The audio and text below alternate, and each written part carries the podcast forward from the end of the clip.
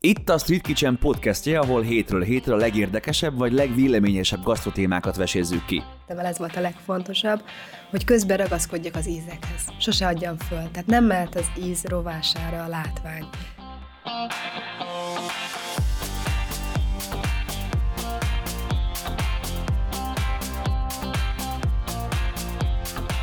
Sziasztok, üdvözlök mindenkit, Berceli Judit vagyok, ez itt a Street Kitchen podcastja. Vendégem Baracskai Angéla cukrássséf és Raj Ráhel tortatervező, a torta.hu-nak a tulajdonosa. És a mai adásban a, a cukrász szakmáról fogunk beszélgetni, az izraeli és a magyar cukrászat különbségeiről, hasonlóságairól, úgyhogy nagyon izgalmas adásnak nézünk ismét elébe. Üdvözöllek titeket, sziasztok! Sziasztok! Szia. Meséljetek nekem picit a, a kezdetekről, így bemelegítésnek, hogyan kerültetek kapcsolatba ezzel a szakmával, mikor döntöttétek el, hogy ezzel szeretnétek foglalkozni, hogyan jöttek az első évek?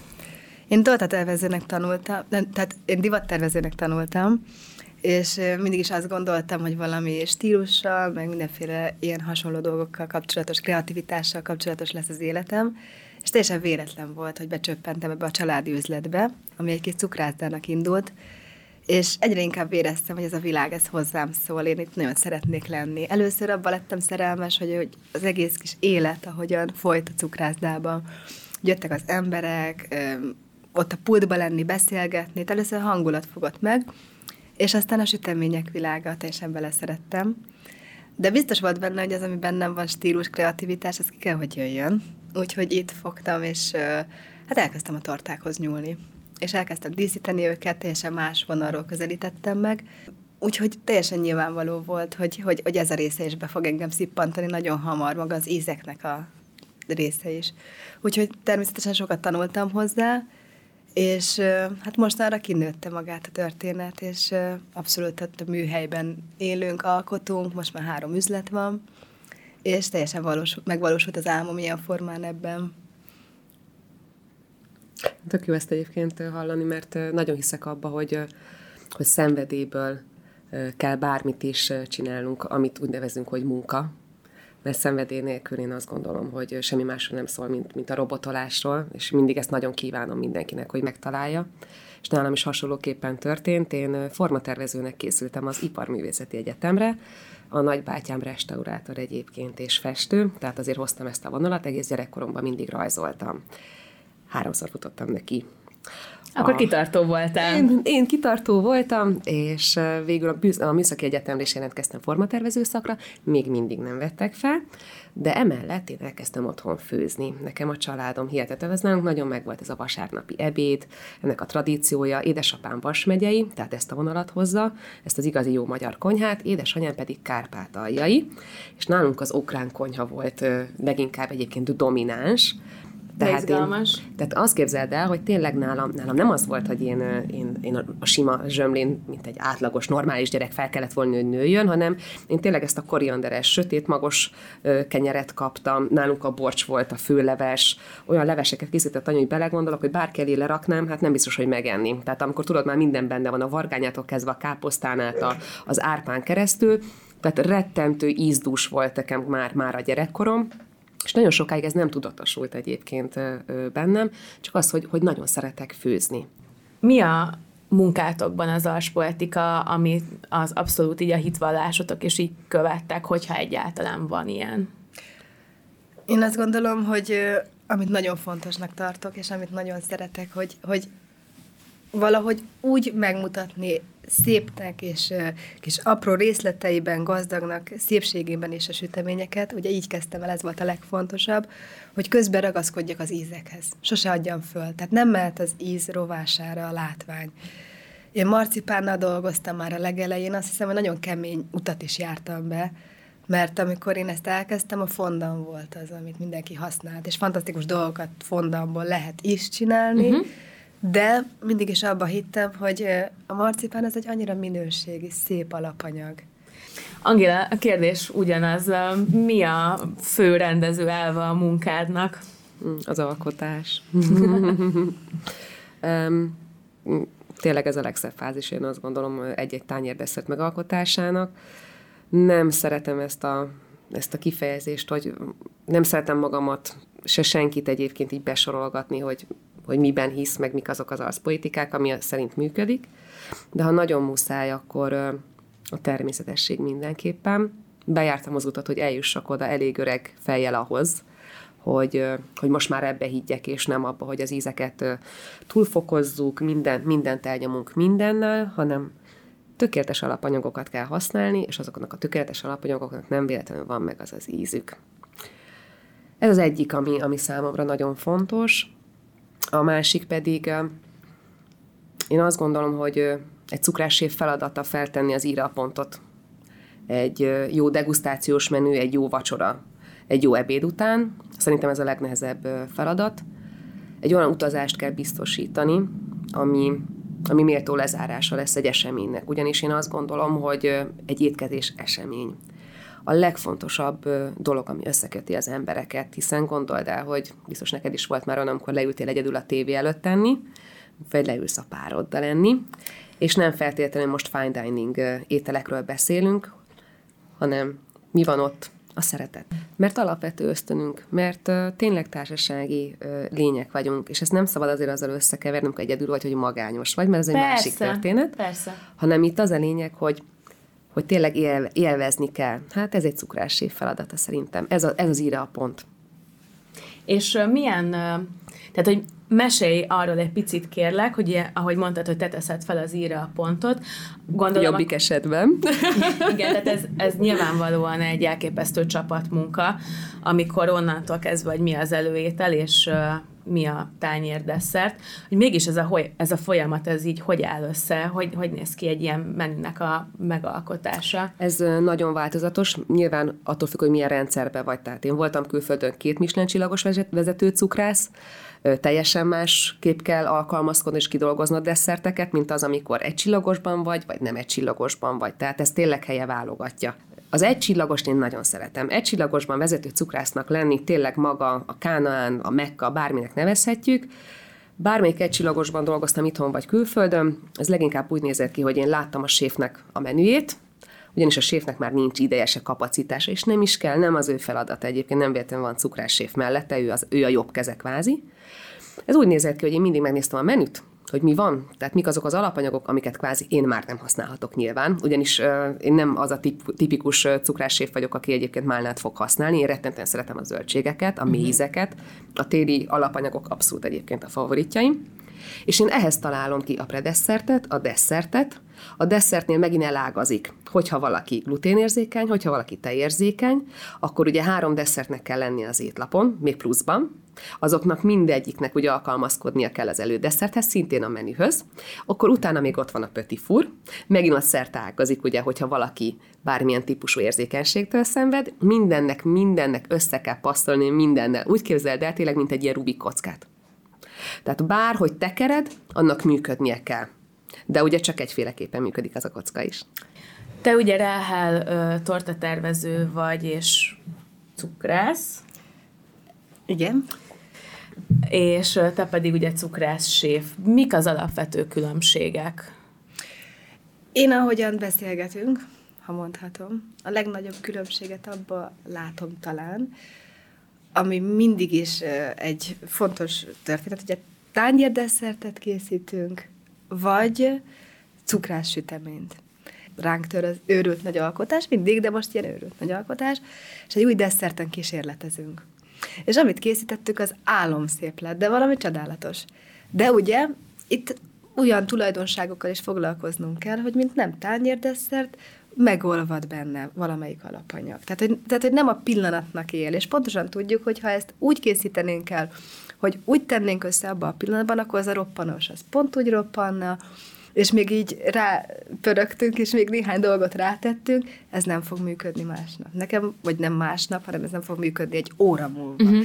És Nekem olyan süteményt kell kitalálni, ami már készen van, ami már útjára van indítva, kim van a pultban, és egész nap szépen rámosolyog a kedves vevőre. A másik meg hát ugye a cukrászda világa, az teljesen más, mint egy étterem világa. Mm. Nekem szerencsére volt tapasztalatom már belátogatni, és hát halálosan izgalmas, de ott az adrenalin, a hirtelen, ott a pillanatok számítanak, mi teljesen másképp csapatmunkában egy, egy másfajta ritmusban, ritmusban. És, és, és ütemben dolgozunk. Én úgy szoktam ezt megfogalmazni nagyon röviden, hogy amit ti becsomagoltak, mi ezt kicsomagoljuk. Nem biztos, hogy tudják, vagy tudod rólam, de hogy én francia desszert cukrászként kezdtem, tehát én cukrász, cukrász voltam a cukrászdában, és és én nagyon-nagyon szerettem is ezt a, ezt a becsomagolást, teljesen más, ugyanis ott a legnagyobb ellenség a hűtőpult. Még ugye egy étterembe, pedig szintén egyébként a hűtő a legnagyobb ellenségünk, főleg amikor 40 fok van a konyhán, tehát a cukrászok, a cukrászok mindig szidják a séfeket, vagy miért most kapcsoltad be a sütőt. És mind, mind a kettőnél van csapatmunka, nálunk azért, amit, amit mondtál rá, nagyon fontos az, hogy tényleg adrenalin, az adrenalin is hihetetlenül dübörög, és sokkal komplexebb az egész. Mert még én a séffel is együtt dolgozom, ne felejtsd az étterembe, tehát még te odaadod a, a, ugye a tortát, ami elkészült, kvázi te már kiengedted a kezedből a körítést. De nekem ott még a szomelier is meg kell mindent beszélnem. Tehát, hogy még ő is hangolja néha a desszerteket, és hogy milyen borok passzolnak hozzá, vagy én kóstolom meg azt a bort, amit ajánl uh-huh. nekem, és azt mondom, hogy várjál, várjál, dobjuk az egészet a fenébe, ez nem fog így működni, ez így nem tetszik, ehhez a borhoz fogok valamit kitalálni. Tehát, hogy, hogy én azt, én azt és megint magamról tudok csak beszélni, hogy nagyon szerettem a cukrászdai életet, nyugis volt, kiszámítható volt, én azt gondolom, hogy hogy valaki ebbe tud jobban működni, és tényleg kiteljesedni a kreativitásába, én pedig az a típusú ember vagyok, aki a nyomás alatt. Tehát a nyomás Tehát alatt a tud robbanni. Nő a pálna, így van, így van, így van. Vagy. Igen, igen, igen. Ha már szóba hoztad a, a flódnit, arról mindenki ismert téged, a Raj Ráhel Flódni az, az országszerte nagyon híres. Ha jól tudom, a nagymamádnak a receptjét őrzöd, és tökéletesítetted. Javíts ki, ha tévedek. Hát, hogy a nagymamám az annál régebbi történet, tehát, hogy ez egy, ez egy igen régi. Tehát te, aki, akik elkezdték készíteni a flódnit, az nem nagymama korú, ja, persze. hanem még sokkal régebb, de családi recept valóban. És az a szép benne, hogy ahogy én már megkaptam édesanyámtól, azon már nagyon tökéletesíteni nem, nem lehet. lehet. Nem, nem, nem kellett. Tehát, hogy, hogy ő benne volt, amikor kezdtük az üzletet uh-huh. az elején. Ő azt szoktam mondani, hogy egy kis kitérő volt az életemben. ő egy nagyon csodálatos üzletasszony, és így valahogy azt látom, hogy aranyá válik minden a kezében. De ő azt mondta, hogy ő mással foglalkozik, de ez egy álma volt, hogy, hogy sütemények is legyenek így az életében és hát boldog vagyok, hogy ezt folytathatom ilyen formán, hogy én meg is találtam magam száz százalékig benne. Hát a Flódninak nem is véletlenül adtam oda a nevemet. Tehát ugye a Flódni lett Rajráhel Flódnia, mert hogy tényleg ez az én családomnak a, a receptje. Azoknak a hallgatóknak, akik esetleg nem ismerősek a Flódni süteménnyel, kérlek mondd el, hogy mi van benne, vagy egy milyen jellegű süti, vagy okay. torta. Én a süteménynek nevezném, bár kényszerre most már készítjük tortaként uh-huh. is átvehető. A flódni az egy hagyományos magyar zsidó sütemény, és ezt nagyon komolyan mondom, hogy magyar, mert hogy most ez egy nagyon nagy büszkeség, hogy hungarikum is lett a flódni. Diómák, alma és szilvalekvár van benne. Ez Tehát, egy nagyon komplex ízélmény igen, a flódni. de attól csodálatos, és szerintem ez a bűvölete a flódninak, vagy ha titka, szoktak kérdezni, mi a flódni titka. Én azt gondolom, hogy az, hogy annyira gazdag, és nem sok. Tehát, hogy így ahogyan benne van ezeknek a nagymamáknak a szeretete, hogy elkényeztet, minden jóval eltraktál, de nem folyt meg. Tehát nem azt érzed, hogy, hogy sűrű és nehéz, és nem tudod a felénél föladod, hanem hogy még kérsz belőle. Neked ugye volt a világrekord, nem csak kísérletet, hanem sikerült is. Ennek uh, hogyan jött az ötlete, illetve a megvalósulásról is mesélj kérlek egy kicsit. Hát igen, mert hogy ez egy nagyon érdekes történet, még számomra is egy hihetetlen izgalmas történet volt. Tudni kell rólam azt, hogy én nem egyedül csinálom az üzletet, hanem attól tud ez ilyen sikeres lenni, egy család, családi vállalkozás, ebben a pillanatban a férjemmel már jó régóta. És úgy szoktak mondani így, hogy én vagyok a kreatív igazgató, mm-hmm. a general manager, és egy fantasztikus pasi, és mindig ilyen nagy ötletei vannak. Egyszer csak megjelenik, és azt mondja, hogy kimentünk, kimegyünk a Szigetre, a Sziget Fesztiválra, a Flódnival, figyelj szívem, csinálunk valami nagyot. Egy világrekordot. És így mondtam, hogy jó Miklós, hát legyen. És én boldogan dolgozgattam az üzlet, mondtam, csináld. És egyszer csak arra lettem figyelmes, hogy megjelent hatalmas zsák almák, és lisztek, és minden más egy nagy kamionból, ami leparkolt az üzlet előtt, mert hogy ő egyszer azt mondja, hogy itt világrekord lesz, akkor ott világrekord lesz. Annyit tettem bele, hogy, hogy együtt megbeszéltük, hogy mihez kössük, és mondtam, hogy mindig valami kell, amihez kötött, hogy milyen nagyot csinálsz.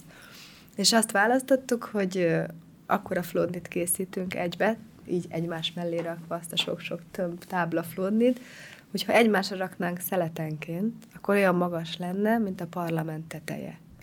Meséljetek egy picit a magyar és az izraeli cukrászatnak a hasonlóságairól és a különbségeiről. Ugye mind a ketten voltatok kint Izraelben, tanultatok is kint.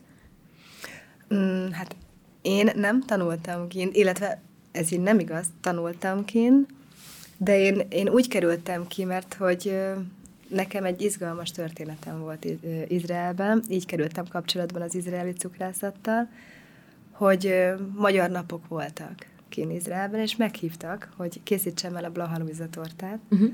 ami egy nagyon izgalmas és szép sütemény, közösen egy híres izraeli cukrászatban. Ez a Lehamim Bakery, és Uri Seft ez a híres cukrász, akit nagyon boldog vagyok, hogy megismerhettem, nagyon izgalmas ember. Amennyire én láttam, és majd javíts ki, hogyha valamit másképp, mert te biztos, hogy sokkal jobban, jobban benne vagy, és több mindent láttál, tapasztaltál, hogy egyrésztről van a, abban a kele, közel-keleti ugye, sütemények, ugye ez a ö, baklava és minden más édes dolog, ami megtalálható, kevésbé. Inkább azt látom, hogy különböző hatások alatt vannak. Tehát, hogy a cukrászat úgy áll össze, hogy miután Izraelben mindenhonnan érkeztek, akik ott laknak, ezért alapvetően benne van mondjuk a zsidó sütemény, amit én is készítek, az a legnagyobb kapcsolódásom hozzá. Nálam megtalálható egy-két termék, ami folyamatosan van, egy maceszos almás süti, ugye a flódni, na az pont nincs ki Izraelben. Amiről nagyon sokat hallok, például a Hámán táska, ez a hagyományos neve, ez egy szilvalekváros táska, nagyon népszerű nálam. Ezt Izraelben abszolút készítik, és hát hihetetlen skáláját látom. Tehát én szilvalekvárral készítem, hagyományosan lehet mákkal, dióval is, ott a nutellástól, és halvástól, és, és, és csokis, vaníliás, minden. Tehát hihetetlenül kibontották ezt a dolgot. Ezen kívül nagyon látom a francia cukrászatot, amennyire a tártokkal. Ennek nagy oka van szerintem, hogy habos sütit kevésbé látunk a meleg miatt. Abszolút, szerintem nagyon jól leírtad. Én ugye majdnem három évet éltem kint, mm, leginkább Tel Avivba, tehát én a nagyvárosi életről tudok mesélni. Azt gondolom, hogy ott minden kisvárosnak megvan a saját süteménye is, ugye is. Hát gondolj bele, hogy amit mondtál, hogy mennyire színes, tehát itt nem csak az van, hogy mennyi európai uh, vándorolt oda, jemeni konyha, marokkói konyha, arab konyha, perzsa konyha, mind-mind hozta magával az ízeket. Ugyanezek megtaláltok a süteményekbe is. Ha nagyon le kell csupaszítani, az én tapasztalatom az, hogy kell tészta őrülte, őrület van, uh-huh. amiben ugye beletartozik a babka, tehát a, a a kalácsoktól kezdve, de hogy itt ne sima kalácsokat képzeljetek el. Itt már minden bele van rakva, minden töltve van mindig mindennel, minden le van cukrozva, aztán még egyszer le van cukrozva, mert mi van, hogyha az első cukor elolvad. Tehát tényleg iszonyatosan szeretik az édeset, nagyon dominál nyilván ugye a, a, az arab desszertvilág, ott pedig a baklava mellett nagyon szeretik ugye a kadeif tésztát, ez a kis vékony szálú tészta, amit sütnek, főznek, mindent csinálnak uh-huh. vele, és van a knáfe, nekem az volt a kedvencem, sajnos még ki nem derült, hogy tejfehérű allergiás vagyok, ezt úgy képzeld el, hogy egy sajt, ami le van szorva ezzel a mm, tésztával, meg van sütve, majd aztán minimum egy liter cukorszirup, ami általában rózsavizes, meg oh. kis pisztáciával meg van szórva, mindenkinek megvan egyébként a saját maga verziója, tudod, uh-huh. valaki oda egy kis pincs, elnézést, mert néha, néha még én is átállok angolra, egy csipet fahéjat tesznek oda hozzá, a másik az narancsvizet használ, de alapvetően, tehát hogyha azt kell nézni, hogy, hogy például ott az arab konyhának a desszertéből ki a királynő, akkor egyértelműen a knáfe. Ha azt kell nézni, hogy, a, hogy a, az izraeli konyhának mi, mi, a, mi a királynője, akkor pedig a keltészták A, a habosokat egyébként én, én úgy tapasztaltam, hogy nagyon szeretik, imádják a francia ö, desszerteket. Tehát, hogy dübörög, és minden megtalálható. De ami még fontosabb Izraelben, nem az, hogy mennyi minden van. Nem tudsz rosszat árulni. Az izraeliek szerintem minden vendéglátós rémálma, ezt most komolyan mondom, de, de neki pedig igazuk van. Tehát amikor Magyarországra jöttek, én azonnal kiszúrtam őket, hogy ki az, aki izraeli. Meg, megvan az, meg, van egy sajátságos szokásuk, maradjuk annyiban. Na, mert mire gondolsz? Úgy kezdik, Honnan hogy lehet felismerni az izraeli vendéget? Elnézést, kedves izraeli barátom, nagyon szeretlek titeket, de ti is tudjátok, hogy milyenek vagytok. Leültek az asztalra, úgy kezdik, hogy kérnek egy liter vizet citrommal. Az biztos. Tehát, hogy így fog kezdeni. Mert ez teljesen normális, hogy kint Izraelben adnak. Uh-huh. Tehát még nálunk tényleg könyörögve kérni kell, ha belegondolsz, és még fel is húzzák a szemöldüküket a vendéglátósok, hogy na, már ingyen csak vizet iszik. Nem, ott teljesen alap, hogy rögtön ezzel uh-huh. kezdjük, illetve az, hogy van mellette kenyér, van olajbogyó, van már helyből egy, egy, egy picike kis előétel, még kiválasztja. Most egy picit el is fogok térni, mert, mert mert szerintem ez is érdekes, aztán maximum állítsál le, és majd visszatérek. Még, még egy-két dolgot erről a, a, az éttermi szokásokról. Még itthon leginkább mikor jön ki hozzánk a pincér? Nyilván, amikor elfogyasztottuk a felét, hogy is megkérdezi, hogy jó volt-e. Hát te akkor már mit mondasz? Ugye? Mi van Izraelben? Két perc múlva ott van. És ha nem jó, nem húzza fel a szemöldökét. Természetesen megértem, és kicseréli. Innen is felismerte egyébként az izraeli, hogyha nem megy oda a vendég, akkor hidd el, hogy fogod hallani az étterem másik végéből az izraelit, mert hogy szól a pincérnek, hogy ne haragudj, de hol vagy már mégiscsak. Nagyon fontos, hogy ebből a mentalitásból eredően, hogy tényleg jó minőségűeket esznek, csak a jó dolgok tudnak fennmaradni. Tel Avivban is, ugye? Aki nem működőképes, fél év alatt bezár. Nem mennek oda az emberek olyan hihetetlen nagy a marketing, a, pontosabban a száj marketing, hogy ott nem is kell igazából hirdetni. Mert pontosan fogod tudni, három másodperc alatt egyébként meg mindenki mindenkiről tud, tehát olyan, mint egy falu, tehát még, még rólam is tudtak egy hónap után, érted, én ráadásul aliázó magyar voltam, de hogy ott tényleg úgy képzeld el, mint egy kis falut, ahol aki nem jó, azt tényleg kiszorják. És én ezt nagyon szerettem Izraelbe. És én ezt is tanultam meg leginkább a Josszitól, hogy az első ilyen szempontból a vendég. Tehát alkothatsz, és örülünk neki, hogyha elfogadja. Természetesség és jó alapanyagok. És ezt még nagyon sokan nem ismerik itthon, sajnos. Ahogy mondtad, vagy mi beszéltük még korábban, hogy elindult a felvétel, te a harmadik legjobb étteremben dolgoztál, illetve ott is szerezted meg a, a cukrász diplomádat. Mesélj még egy kicsit, hogy hogy, tehát hogy néz, vagy mit kell csinálni ahhoz, hogy megkapd a cukrász diplomádat, vagy milyenek a folyamata, vagy hogy így hogy kell elképzelni ezt az egészet? Teljesen más, mint az itthoni OKJ képzés. Én ezért is nem végeztem el itthon, és nem a rendszer ellen vagyok, csak másra vágytam. Én öt év után, igen, körülbelül amikor már egy cukrászatban működtem, mm, akkor azért éreztem a nyomást, hogy mégiscsak kellene egy papír már erről is, amúgy is annyit összegyűjtöttem, tudod. Na de viccen kívül más a mentalitás. Legelőször is rettentően jók az alapanyagok, nagyon sok a gyakorlati óra és az elméleti, tehát még itthon azt hiszem heti egy gyakorlat van, vagy van gyakorlati hét, ez ugye iskolája válogatja. Addig sokkal nagyobb hangsúlyt helyeznek egyébként Izraelben a gyakorlati órákra, rettentő alapanyagokkal dolgoztunk, varronával, francia, ez egy francia csokoládé, mm, az egyik legdrágább fajta egyébként, ami, ami kvázi nekünk így elérhető. Mm, rettentő jó alapanyagokkal, és tényleg nagyon nem, ne, azért nem szeretem ezt a kérdést, mert ilyenkor haza is húz, gondolj, tehát gondolj, de hazahúz a szívem is, hiszen magyar vagyok, és kvázi szívnom kell a magyar rendszert mégiscsak, mert azt tudom mondani, hogy a magyarnál nincsen jó alapanyag. Hm. És ez így azt gondolom, hogy nem, nem, egy, tiszt, nem egy tisztességes helyzet, hogyha, hogyha így kell ö, ö, mesélnem róla, és nagyon, nagyon remélem, hogy a hallgatók nem értik félre, tehát ne így nézzék, hanem, hanem örüljünk annak, hogy, hogy vannak ilyen lehetőségek, hogy máshol meg másképp lehet tanulni. Bocsánat, viszont ez fontos. Ö, itt nekünk az a folyamatos táncunk, hogy így mondjam, hogy a legjobb minőségűt válaszom, de mondjuk kevésbé fogsz nálam pisztáciatortát találni. Mert nem alkuszom és nem fogok olyat hozni be, ami nem feltétlenül olyan, viszont nagyon drága a pisztácia. Igen. Vagy azt nekem úgy, olyan, ezt, ezt kommunikálnom kell, és ö, én azt gondolom, hogy, hogy ez egy folyamatos ö, játék, és ö, meg lehet találni. Tehát vannak itt, és van, amit itt veszünk, és olyan alapanyag, és magyar termelőktől, és ez nagyon jó, jó érzés is. de, de hát kevésbé tudunk ilyen hát exotikus Itthon ö, összességében ö, drágább a, tehát nyilvánvalóan törekez, törekszetek arra mind a ketten, hogy a lehető legjobb minőségi alapanyagból ö, dolgozzatok, de hogy itthon beszerezni ezt, ez drágább, vagy körülményesebb, nem. vagy...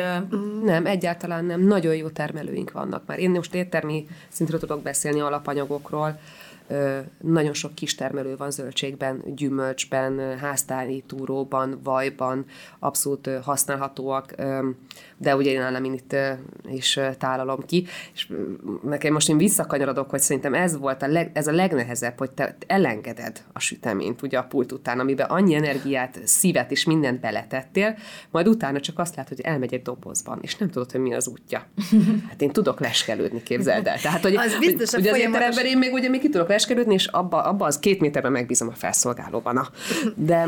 Ez nem bizalom, de hogy valóban az, hogy a folyamatos visszajelzés egy éttermi szinten ez is más. Tehát ez nagyon-nagyon szerintem jó látni, sokszor öröm látni, és hát én pont abból a, a dologból maradok le, amikor a gyerek megkapja a tortát, van, amikor látja, de azért az olyan szép lehet látni. Tehát mindig kéne visszajelzést, esküvét, tehát küldjetek fotót Igen. nekem. Látni akarom, mert ez egy fontos visszajelzés, és egy öröm.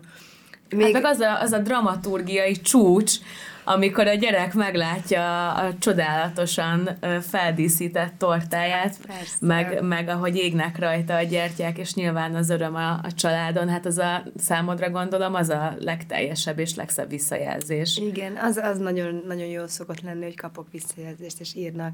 Tehát én, én nekem itt üzenem is, hogy légy szíves. tényleg örülök neki. Tehát, hogy tényleg ilyenkor mindig elmorzsogatom magam, hogy na ezért érdemes csinálni, amikor kapok egy telefont, amikor valakinek megcsináltam az esküvői tortáját, és most a kisgyereknek születésnapi tortát csinálunk, és Ráhel mindig is te csinálod a tortánkat, megint te csináld, légy szíves, és karácsonykor van egy család, akinek mindig egy tortát az aktuális színkombináció és karácsonyfa mm. díszhez tervezem a, a, asztalra a tortát, úgyhogy nagyon fontos, úgyhogy meg, megkapom, de nincs ez a folyamatos látható visszajelzés. Amellett, hogy te ugye kinéltél Tel Avivban, még nagyon-nagyon sok helyen megfordultál hosszabb, rövidebb időben külföldön. Így összességében mi a tapasztalatod a hazai cukrász élet és a kinti kint tapasztaltak között? Hmm, pont tegnap volt képzeld, ugyanez a kérdés felém. Oh az a baj itthonnal, hogy mindent meg akarunk ugrani, minden cukrászda. Tehát van egy jó klasszikus cukrászda, aki úgy érzi, hogy francia desszerteket is kell készíteni, meg makaront is kell készítenie, és vegán desszertet is kell készítenie. Nincs ilyen külföldön, sehol nincs ilyen. Mindenki szakosodik. Van vegán sütemény, a A utcában, B utcában van a makaronod, légy szíves, menj el, küldöd a férjedet a C utcába a reggeli croissantért és a kakaós csigáért, és a klasszikus tortát tőle fogjuk megvenni, és a születésnapi tortát viszont attól a lánytól szeretném a következő utcából. Nincs ilyen. Nincs ilyen, mint itthon, és én azt gondolom, hogy a saját magunk ellensége vagyunk, hogy ennyi mindent le akarunk fedni. Te sosem gondoltál arra, hogy külföldön szerencsét próbálj így hosszabb távon? Én már éltem külföldön, egy fél évet töltöttem Londonban, amikor 20 éves voltam, és szerintem az lett volna az a pont, amikor azt mondom, hogy kimaradok, megpróbálom, tapad, ragad, hmm. nézzük, mi történik, sodródjak. Akkor visszajöttem, és akkor kezdtem el. Akkor a nagymamám miatt kellett így gyorsan-gyorsan visszajönnöm. És nem is biztos egyébként, hogy kimaradtam volna, de tanulni, látni, inspirálódni mindenképpen nagyon hasznos volt. Elszakadni és visszajönni. Most azért teljesen más az élet. Tehát, hogy, hogy elkezdtem valamit, és építem, családom van, gyerekeim vannak, családom van, mondom még egyszer, így hát nem, nem tudom, hogy kimennék, de, de minden egyes alkalom, amikor az ember kimegy és, és inspirálódik, az, az, az nagyon jó, az, az fontos. Ez itt a Street Kitchen podcastja, ahol mai vendégem Baracskai Angéla cukrássép, valamint Raj Ráhel, torta designer és a torta.hu tulajdonosa. Igen, tehát mind a ketten családanyák vagytok. Neked, Angéla, ez egy picit még frissebb feladat, hogyha jól tudom, akkor 11 hónapos a kislányon. Igen. Hogyan tudjátok összeegyeztetni a, a, a munkát a családi élettel és a, a, az anyai feladatokkal?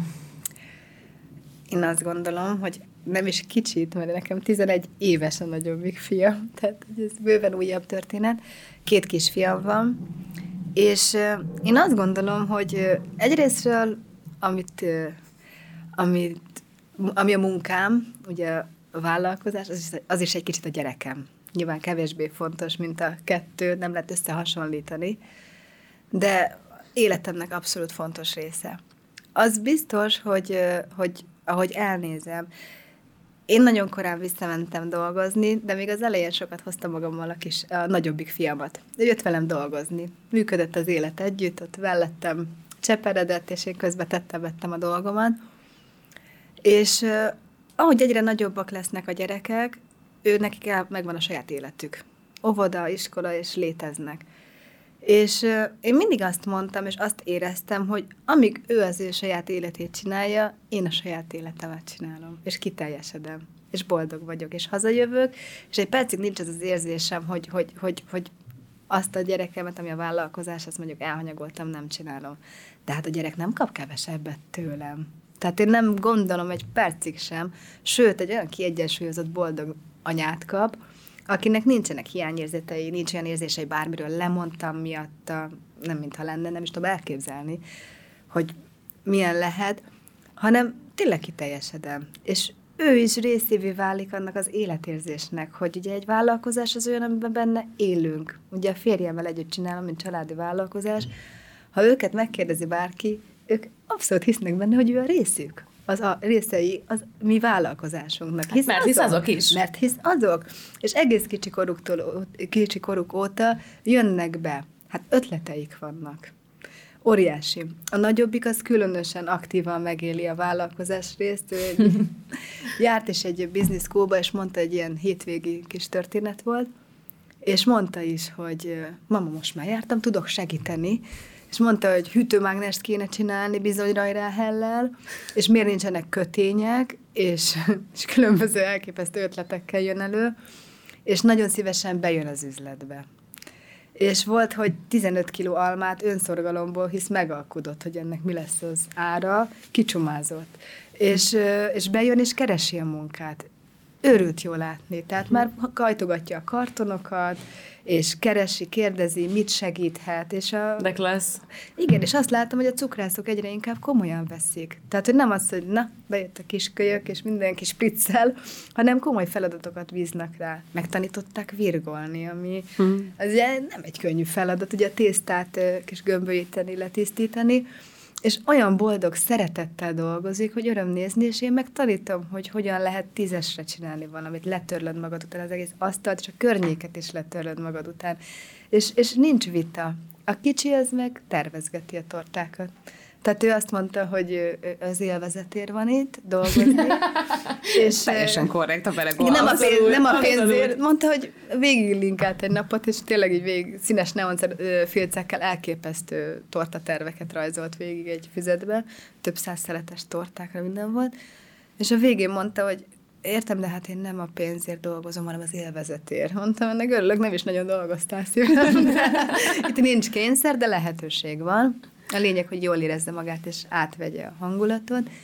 És most az egyik tervét elkészítettük a nagyobbik fiamnak. Ez volt mind a kettőnek a meglepetése, hogy a születésnapjára az egyik kis filccel rajzolt kis tervét megcsináltuk a nagynak a születésnapjára. Volt egy ilyen dolog, mondtam, hogy ez lesz, és hogy mi az, amit még változtatnál rajta, hogy legyen rajta neve, vagy ilyesmi.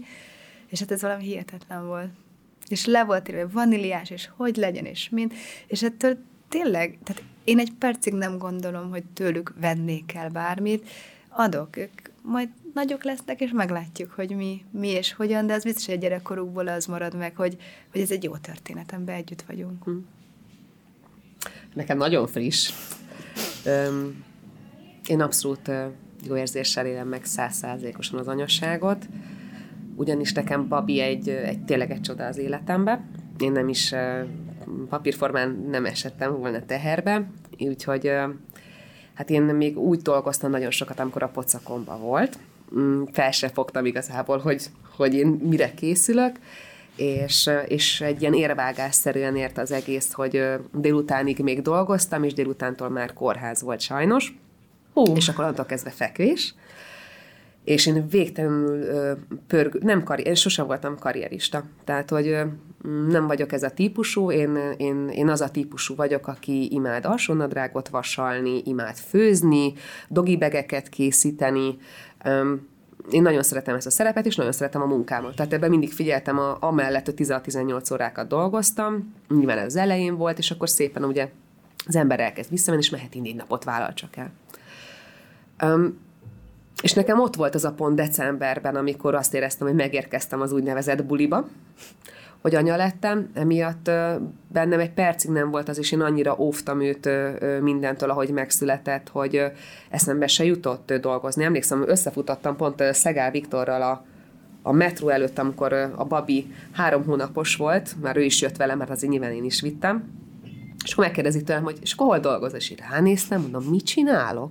Hát nézd már ide, mi van a kezembe, hát nem látod? Pici, sír, mosolyog, peluscsere, hát ez most az én feladatom. Um, és, és idén kezdtem el megérezni, így valahogy szilveszter után egyébként, hogy, hogy tényleg ma mivel fogok foglalkozni, hiszen az étteremi világ az most ne kiesett nekem, és én nagyon-nagyon szeretek tanítani, rettentően szeretem átadni a tudást. Én azt gondolom, hogy én elértem azt, amit el kellett érnem és köszönöm az életnek, hogy ennyi mindent adott, és én megtanulhattam belőle, amit kellett, és én azt gondolom, hogy itt az idő, hogy én ezt továbbadjam, és az új generációnak adjam át a porondot. Meg kell tanulni azt, felismerni azt a pontot, amikor neked a háttérbe kell, kell vonulni, és, és tanítóvá válni, ahelyett, hogy szerepelsz és én azt gondolom, hogy nekem majd ez lesz a, az utam Babival. Én egyre azt kell, hogy mondjam, hogy a gyereket gurmé reggeli és ebéddel látom el. Tehát nálunk nem volt kürézés egyébként, tehát én, én azt, én, én rettegtem. Figyeljetek, képzeljétek, én rettegtem, hogy hat hónaposan, amikor így elképzeltem, és így egyet a mama kedvéért, jön a repülő. és mondom, tehát én nem vagyok ez a típusú. Én kivártam, megvártam a jeleket, még a gyerek jelez. Úgy kezdtük, hogy paradicsom, hát mond, elmondtam három miatyánkot, meg kivette a kezemből és megette. Hét és fél hónaposan és, és, és azt kell, hogy mondjam, 11 hónapos a babi, kedvenc fűszer a kurkuma, imádjuk a fokhagymát, Hoppá. imádjuk a céklás humuszt, amit anya készít neki otthon. Abszolút izraeli konyhát viszek amúgy. Római kömény, őrölt koriander. Tehát, Úgy reméljük, a oviban nem lesz nagy csalódottság majd a... Ö, ijesztő, hogy a gyerekek nagyon, tehát nagyon, nagyon szeretik ezt a rettentő, egyszerű menzakaját. Az én kisfiam nagyon félelmet, majd meglát, majd meglátod, nagyon emlékeztet arra, amit én éltem meg, és itt mosolygok is nagyokat magamba, mert hogy hát mondjuk még mindig nagy gurmi a nagyobbik fiam, de hát a, a pizza, hamburger, chips, minden ilyen, amit meglát, hát nem védheted. Ezt egy ideig hittem, hogy igen, nem. Kategorikusan nem. De az biztos, hogy amikor pici volt, valóban ez volt, hogy, hogy caciki volt az uzsonna, és, és volt a másik ilyen szuper kedvenc, az a bazsalikomos ilyen, hát lé, ugye ö, gyönyörű volt, hát nem Mary, de most így gondolom, ki mondja ezt, mint egy Virgin Mary. és, és imádta, és cékla, és minden más, és, és, és, és olyan jó volt megélni, hogy én készítettem egy rukkolás pasztát magamnak, és fogtam egy adagot, bevágtam a turmixgébe, és lenyomtam a gyereknek, és, és valóban én, tehát készítettem, semmit nem evett a gyerek, ilyen csomagoltat, és akkora gurmé volt, és én ezt mm. úgy élveztem, Hát aztán bekerült az emberek közé, gyerekek közé. Én, én azért hiszem azt, hogyha, hogyha elindítod egy jó úton, akkor azért visszatér. csak fog visszatér, vagy ragad belé valami. Mondom, én nem turmixolok le semmit, és bocsánat. kialakul az igény. Igen, na ebbe hiszek. Én azt az... gondolom, hogyha megteremtett, neke, nekünk mi a feladatunk? Mi mindent felajánlunk, megadjuk a lehetőségeket. Gyerek gyereknek, tanulónak, munkatársnak, bárminek étteremben, amikor felszolgálok egy desszertet, te, amikor kiadsz egy tortát a kezedből, mi nem adunk más, mint lehetőséget az embernek, hogy nézd, kóstold meg a jó alapanyagok miatt, a jó ízek miatt. Tehát ez az élet bármely területére ki lehet vetíteni, most nem csak az, hogy anyák vagyunk. Mm, még visszatérve arra, hogy, hogy ugye nekem majd mi lesz az utam, és ez a legérdekesebb, amikor levetközöl egy szerepet, és amikor elkezd benned formálódni, hogy, hogy mi szeretnél majd akkor újra lenni, de ugye kötődjön a szakmádhoz, hogy jönnek a lehetőségek. Tehát, hogy ahogy ez megfogalmazódott bennem, hogy szeretnék visszatérni, nagyon érdekes, hogy, hogy szépen apránként, kop-kop, de visszajönnek azok a, és olyan lehetőségek jönnek ráadásul, ami abszolút úgymond baba kompatibilis lehetőségek. És tegnap, amikor felvettem a, az uniformisomat, én nem vagyok tényleg egy ilyen nagyon, én, én is imádom a divatot, de van egy márka, amiért én nem tudom, hogy felveszem, és úgy érzem, hogy egy, egy Maserati-ban ülök. És féltek, én felvettem, 11 hát hónapos a babi, mindenki számolja ki, ahogy akarja, tehát, hogy, hogy mennyi idő után, 20 akárhány hónap után én felvettem újból a kabátomat. Felvettem, és semmi más nem csináltam, kézzétek el, az elején a kiállításon, hogy is simogattam magam. Ugye? Ugye? És én néztem, hogy ez is én vagyok. Tehát megtalálni azt a szerepet, hogy ki voltál, ki lettél, és összemosni a kettőt. Na, én most ebben a szituációban vagyok. Nagyon-nagyon szépen köszönöm, hogy uh, itt voltatok velünk, meg azt is, hogy akkor végül is így találkoztatok, mert hogy uh, azt még adáson kívül beszéltük, hogy bár rengeteg a közös kapocs, valahogy rengeteg, eddig még. Rengeteg. Sőt, én ne, nagyon sokszor ettem egyébként a Flódniból is. Borfesztiválon, Rosenstein Robinál, még régen ugye volt olyan, amikor ti, szállítottatok oda, és, és olyan érdekes, hogy most, hogy így beszélgettünk is, még adáson kívül is, pont ezt beszéltük a Ráhellel, hogy, hogy néz, nagyon hasonló az életút. Tehát, hogy kicsit más a díszlet. Igen, azt a kávét még meg kell innunk. Igen. ezt kifejtjük. Hát akkor nektek nagyon jó kávézást kívánok. Én köszönöm a hallgatóknak, hogy velünk tartottatok. Tegyetek ki legközelebb is. Sziasztok!